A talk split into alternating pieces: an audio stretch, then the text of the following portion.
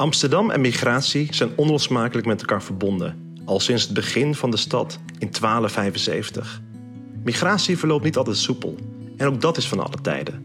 Maar migratie brengt Amsterdam veel en zorgt ervoor dat Amsterdam de dynamische, open, veelkleurige wereldstad is die zij vandaag de dag is.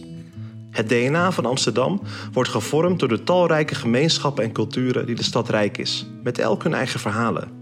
Ze stromen door de aderen van de stad. Ze verbinden de wijken en stadstelen. Amsterdam Stroom deelt verhalen van Amsterdammers met verschillende achtergronden. Verhalen uit het verleden, over het heden en de toekomst.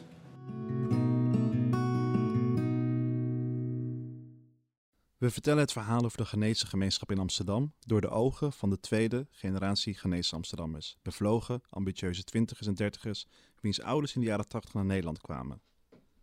Ze gingen op zoek naar economische kansen en groeiden op in Zuidoost en hebben een speciale band met het stadsdeel. Ze vertellen wie ze zijn en wat ze doen, hoe het is om een Ghanese Amsterdammer te zijn, wat Zuidoost voor hun betekent en hoe hun ouders als eerste Ghanese migranten het pad voor hun hebben gebaand. Rudy, zou je jezelf even kunnen voorstellen? Ik uh, ben Rudy. Rudy Assiwe. Ik ben 30 jaar. Of Rudy.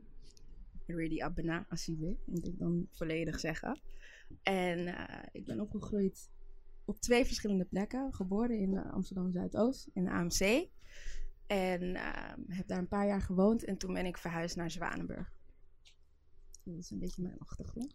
Dankjewel. Um, jouw moeder is uh, als 20-jarige um, eigenlijk... 17-jarige. 20, sorry? Ja, ze was 17. 17 Europa zelfs. kwam, ja. 17-jarige. Is dat 20? Nou, dat moet 17 zijn. Jouw moeder was als 17-jarige je broers en zussen achterna gereisd, wat enorm dapper is natuurlijk. Kun je daar wat meer over vertellen? Uh, ja, ze ging op haar 17e ging zij naar, uh, naar Europa. En dat was ook eigenlijk vanwege economische redenen en politieke redenen. Um, onze familie was onderdeel van de oppositie, kan je zo zeggen. En uh, nou mijn oma vond het belangrijk dat, dat ze een, nou ja, een beter leven en een gezonder leven, een vrijer leven kon hebben. En ze dacht dus, ga je broer achterna, die woont nu in Duitsland. Ga daarheen en uh, ga een beter leven voor jezelf maken. En dat is ze gaan doen. Ze is naar Duitsland gegaan en vervolgens is ze nou ja, naar Amsterdam gekomen, naar Zuidoost. En het lijkt me enorm moeilijk ook om, om uh, voor, voor jouw oma om gewoon tegen haar kinderen te zeggen: van, ga, maar, ga maar naar Europa toe en ga je dromen achterna, want daar is het beter. Ik kan me voorstellen dat dat niet makkelijk is. Want je... Zeker niet. Nee, nee, ik denk dat, ja, ja, als ik mijn oma er toen over sprak, toen zei, zei ze altijd van, ja, ik heb mijn kinderen heel uh, individualistisch opgevoed, dus dat, dat konden zij. en uh, ik denk ook dat mijn moeder dat, datzelfde gevoel uh, heeft doorgepast naar ons. Um, maar ik zag ook wel later, toen wij op een gegeven moment als familie, wat we deden, is dat we om de vijf jaar echt als de hele familie kwam dan terug, omdat ze wonen overal. Niemand is echt in Europa blijven wonen, behalve mijn moeder. Um, dus dan kwamen ze van oh, Amerika, noem maar op. Dan kwamen ze allemaal terug. En dan zag je haar gewoon glunderen. Zag je haar gewoon weer blij zijn van... oh, mijn kinderen zijn weer bij me. Dus uiteindelijk denk ik dat het een hele zware beslissing was. Maar ze vond het zo belangrijk dat ze het toch heeft gedaan. Ze waren met z'n zevenen, dus dat... Bijna iedereen is naar het buitenland verhuisd. Ja, want jouw, jouw moeder die is um, via... Um Duitsland in Nederland terechtgekomen. Ja. Kun je vertellen hoe haar reis zich heeft? Uh... Ja, het is een hele gekke reis die ze een paar jaar terug pas aan me vertelde. En dat ik besefte dit had echt helemaal fout kunnen gaan. Um, ze is via Rusland gekomen. En uh, via Rusland opgehaald. En in Duitsland terechtgekomen. Ging ze dus op zoek naar haar broer. En vanuit daar is ze dus weer naar, Nederland gekomen. En dus het is, het is, was 17. Dus ik vroeg aan haar, was je niet bang? Ja, ze zei, ja, ik wist niet beter. Uh, er werd mij gezegd dat ik die reis moest volgen. Dus ik heb die reis zo gevolgd. En toen was ik in Duitsland. Ja, en, en van Duitsland... Ik wacht even tot, uh, tot het raam uh, dicht gaat. Een beetje ruis. Um, vanuit Duitsland naar Nederland, Zuidoost. Ja. Hoorden ze al dat hier een Ghanese gemeenschap was? En was het voor haar een soort van een stip op de horizon? Of is het ja, dus ze hoorde van haar broer en, en een heleboel andere ja, vriendinnen die nu mijn tantes zijn. Zo gaat dat bij de Ghanese community. Um, iedereen wordt je tante. Ze, hoorden ze dus van, ja, in Zuidoost, daar, daar, daar is de rest van de community. Daar, daar kan je nog een beetje meepakken van de cultuur, het eten. eh, dat is heel belangrijk. Dus eh, zij en een, aantal andere vriendinnen die zijn eh, toen naar Zuidoost verhuisd. Ehm, en daar is ze eigenlijk eh, haar leven verder gaan oppakken. En op haar 21, nee, moet ik niet, 20ste ontmoette ze mijn vader. Dus ja, Ja. En ehm, ehm, ze, ze kwam op een gegeven moment ook tot het geniale idee om naar Zwanenburg te verhuizen. Ja. Geniaal, I don't know. Sorry, mama. Ehm, ja, nee, zij is.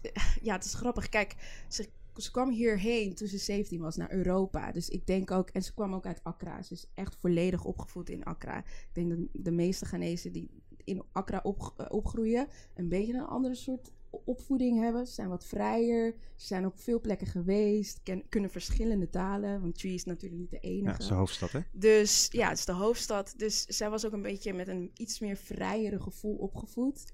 En eh, ze kwam naar Europa nog vrijer te zijn in principe. Dus toen ze in Zuidoost kwam wonen, ah ja, voelde ze een beetje zich beklemd. Dus eigenlijk een soort van opgesloten. Eh, ook in de ways van ja, een beetje cultuur eigen. Wat, wat je krijgt natuurlijk als Ghanese, als, als ik denk ieder, iedere immigrant. Als je naar een plek toe verhuist, dan wil je je vasthouden aan een bepaalde Ja. cultuur. Wat je hebt geleerd van, ja, van waar je vandaan komt. En ik denk dat dat, dat was ook wat de Ghanese in Zuidoost deden. En eh, zich zo vasthouden in bepaalde dingen waar zij eigenlijk al van af wilden zijn, in principe. Eh, dus toen uiteindelijk ze ging scheiden van mijn vader, had ze zoiets van: Dit is te beklemmend. Want de vraag was al: waarom ga je scheiden met, met, je, met, je, met je man? Dat, waarom doe je dat? dat?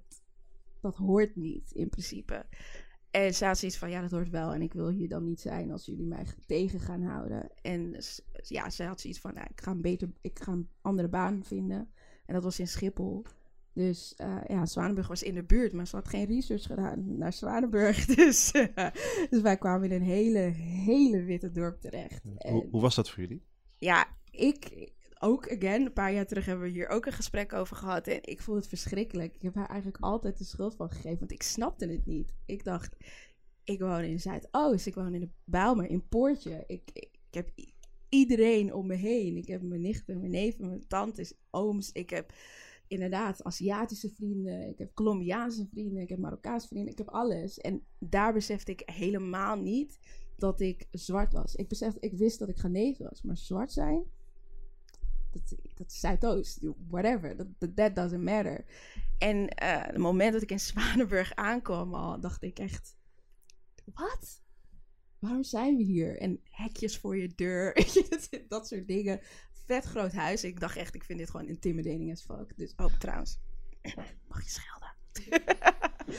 dus eh, ja, ik, ik dacht echt, wat is dit? Ik, ik kende dit gewoon echt niet. En zeker toen ik naar school ging en iedereen naar je gaat kijken. Want ik was gewoon de enige zwarte persoon van de, van de klas. En eh, ik denk van de hele dorp waren er maar misschien vier in totaal. Ja. Ja. En, en je gaf dat, eh, of tenminste, je gaf dat te kennen aan je moeder. En Ja. wat, wat gebeurde toen? Nou ja, kijk, weet je, het is, het is ook lastig. Hè? Ik- Zij, zij dacht van, oké, we gaan Zuidoost uit om, eh, again, weer een soort van beter leven te krijgen. Ehm, dus zij dacht van, ja, maar ja, weet je, is, het is beter voor jou om hier te zijn. Eh, weet je, er, hing ook een be- bepaalde soort stigma om, om Zuid, Zuidoost heen op een gegeven moment. En hoe ik het zag, was super positief. Maar hoe zij zag, zij zag natuurlijk een hele andere, ook een andere kant van Zuidoost. ehm, was niet heel positief in principe. Dus zij dacht, oké, we gaan naar Zwanenburg, ander leven. eh, meer ja, in haar ogen een ander soort bubbel, een betere bubbel. En ja, ik, ik vertelde haar wel eens van, ja, ik word gepest, ik word het eh N-woord genoemd. Of eh, ze raken me random aan. Maar dan zei ze van, ze snapte dat nog niet. In haar, ze, ze snapte racisme nog niet. In, ik bedoel, ze wonen in een land waar iedereen zwart is. Dus racisme is, is daar niet per se. Colorism is een ding, maar racisme is er niet per se. Dus voor haar was dat ook een soort van zoektocht van, oh, oké. Dus tuurlijk heeft ze het meegemaakt toen ze hier kwam wonen. Maar ze had niet verwacht dat haar kinderen die hier geboren zijn hetzelfde zouden krijgen als dat zij heeft meegemaakt. Dus ik denk dat het voor ons allemaal een proces was van uitvogelen wat het allemaal, zou, wat het allemaal met ons ging doen. Ja. Heeft dat, ehm, hebben deze ervaringen ook effect gehad op wat je nu doet en hoe jij je hebt ontwikkeld? ja, zeker. Ik denk dat het moment dat ik voor het eerst naar Ghana toe ging, eh, ja, we hoorden het net al, is het allermooiste wat ik toen meemaakte. Ik was acht en het is insane dat je denkt van, wat weet een achtjarige, maar ik weet het echt. Het was het allermooiste wat ik mee heb gemaakt. En toen besefte ik van, oké, ik moet meer weten over mijn achtergrond. En daar is eigenlijk de reis naar mezelf ontdekken of zo eigenlijk begonnen. Um, ik was al een soort van uh, nou, boekennerd. Ik las insane veel. Je kon me altijd in de bibliotheek vinden of onder de tafel een boek lezen. Um, en vervolgens ben ik dat meer gaan doen, meer geschiedenis gaan leren over, uh, over de, uh, ja, van Ghana. En nu doe ik eigenlijk alleen maar iets over mijn achtergrond of, of verschillende achtergronden. Ik probeer die bruggen te bouwen naar, weet je, hè, verschillende culturen die in Nederland leven en te maken hebben met racisme of discriminatie. En daar meer, hopelijk meer begrip voor te krijgen van waarom zijn deze mensen nou eigenlijk hier? Waarom zijn wij hier? En ook al voel ik me 100% Ghanese, ben ik ook 100% Nederlands. En dat besef kwam echt veel later. En ik hoop dat een heleboel mensen dat ook gaan beseffen. Dus dat je je plek hier mag eigenen. En uh, zeker een stem mag hebben in, Ja. in Nederland. Want je hebt ehm, de nieuwe Alkabullen, Nieuw Alkebulan, ja. Alkabullen opgericht. Ja. Ehm, dat is een platform met mul- multidisciplinaire communities en creatives met, met verschillende Afrikaanse achtergronden. Ehm, waarom heb je ervoor gekozen om verschillende Marok eh, Marokkaanse, Afrikaanse, ja, Marokko is ook Afrikaans, Ja. Eh, verschillende Afrikaanse achtergronden om, daarvan, om daarmee de krachten te bundelen? Ja, ik, ik kwam in Kurma, was altijd mijn voorbeeld, man. Ik, eh, ik geniet van die man. En hij stond voor Unity in Afrika. Ehm, wat ik zag toen ik op een gegeven moment naar Zwanenburg verhuisde. En in het weekend was ik dan wel weer elke, elk, ja, elk weekend was ik gewoon weer in Zuidoost. Maar wat ik merkte is dat de, de, dus de mensen om me heen die ik had in Zwanenburg, of eh, als ik net buiten was in Haarlem of whatever, zag ik niet de unity. Ik zag het niet. Terwijl in Zuidoost zag ik het altijd. Het maakt er niet uit of je Marokkaans bent. Het maakt er niet uit of je Senegalees bent of Ghanese bent whatever. Maakt niet uit. Wij zijn met z'n allen Afrikanen. We zijn trots, toch? En dat miste ik in de rest van, zeg maar, de- als je het hebt over de, de, de POC community, dat miste ik, die unity samen. En, en eh, de celebraten van, zeg maar, die verschillen die we hebben. Maar toch ook wel ergens dat, dat we toch ook heel veel dingen gemeen hebben. En daarom heb ik dat opgericht. En samen met eh, een goede vriendin van mij, Marokkaans.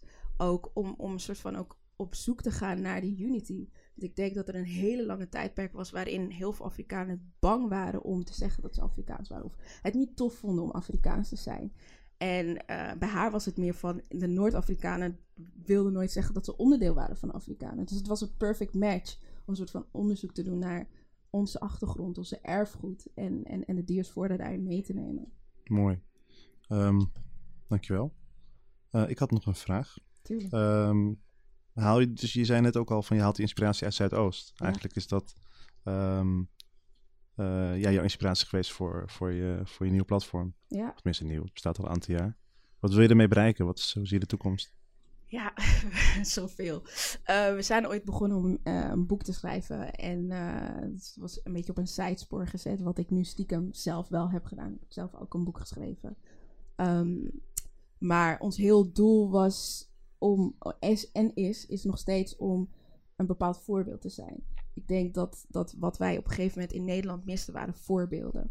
Voorbeelden van Ghanese die in de poli- politiek zitten, van Marokkanen die, die, die eh, rechters zijn, en noem maar op. En dat is wat, wij wil, wat we nog steeds willen neerzetten. We hebben een talkshow waarin ja, de host een, een Somalische Nederlandse dame is. En eh, dat zie je niet op tv. En ik denk dat, dat als mijn broertje nu kijkt, dat hij daar inspiratie uit haalt. Dat, wat hij ook doet. Want hij is kleren gaan maken omdat Eben en, en, en, en een Hussein van Daily Paper omdat zij kleding maken. En die voorbeelden heb ik hem kunnen geven. Ik heb hem kunnen laten zien. hey, kijk, je hebt deze mensen. En daardoor is hij gaan designen. En dat is mooi. Dat is prachtig. Dat wil je. Dat wil je. Ja. Super mooi. Kom je nog wel eens Zuidoost? Ja. Want je vaak. hebt er relatief kort gewoond. Of tenminste relatief. Ja, ja, maar het waren wel eh, hele bijzondere jaren. Het waren bijzondere jaren. Het heeft nog steeds impact op me. En ik, daarom bleef ik ook teruggaan. Nee, ik, ja, ik eh, ben er altijd te vinden als ik eh, goed boodschappen moet doen. Mooi, dankjewel. Dit verhaal maakt onderdeel uit van de podcastserie Amsterdam Stroomt. Luister via Spotify naar de andere verhalen. Amsterdam stroomt. Amsterdam deelt haar verleden en Amsterdam deelt haar toekomst.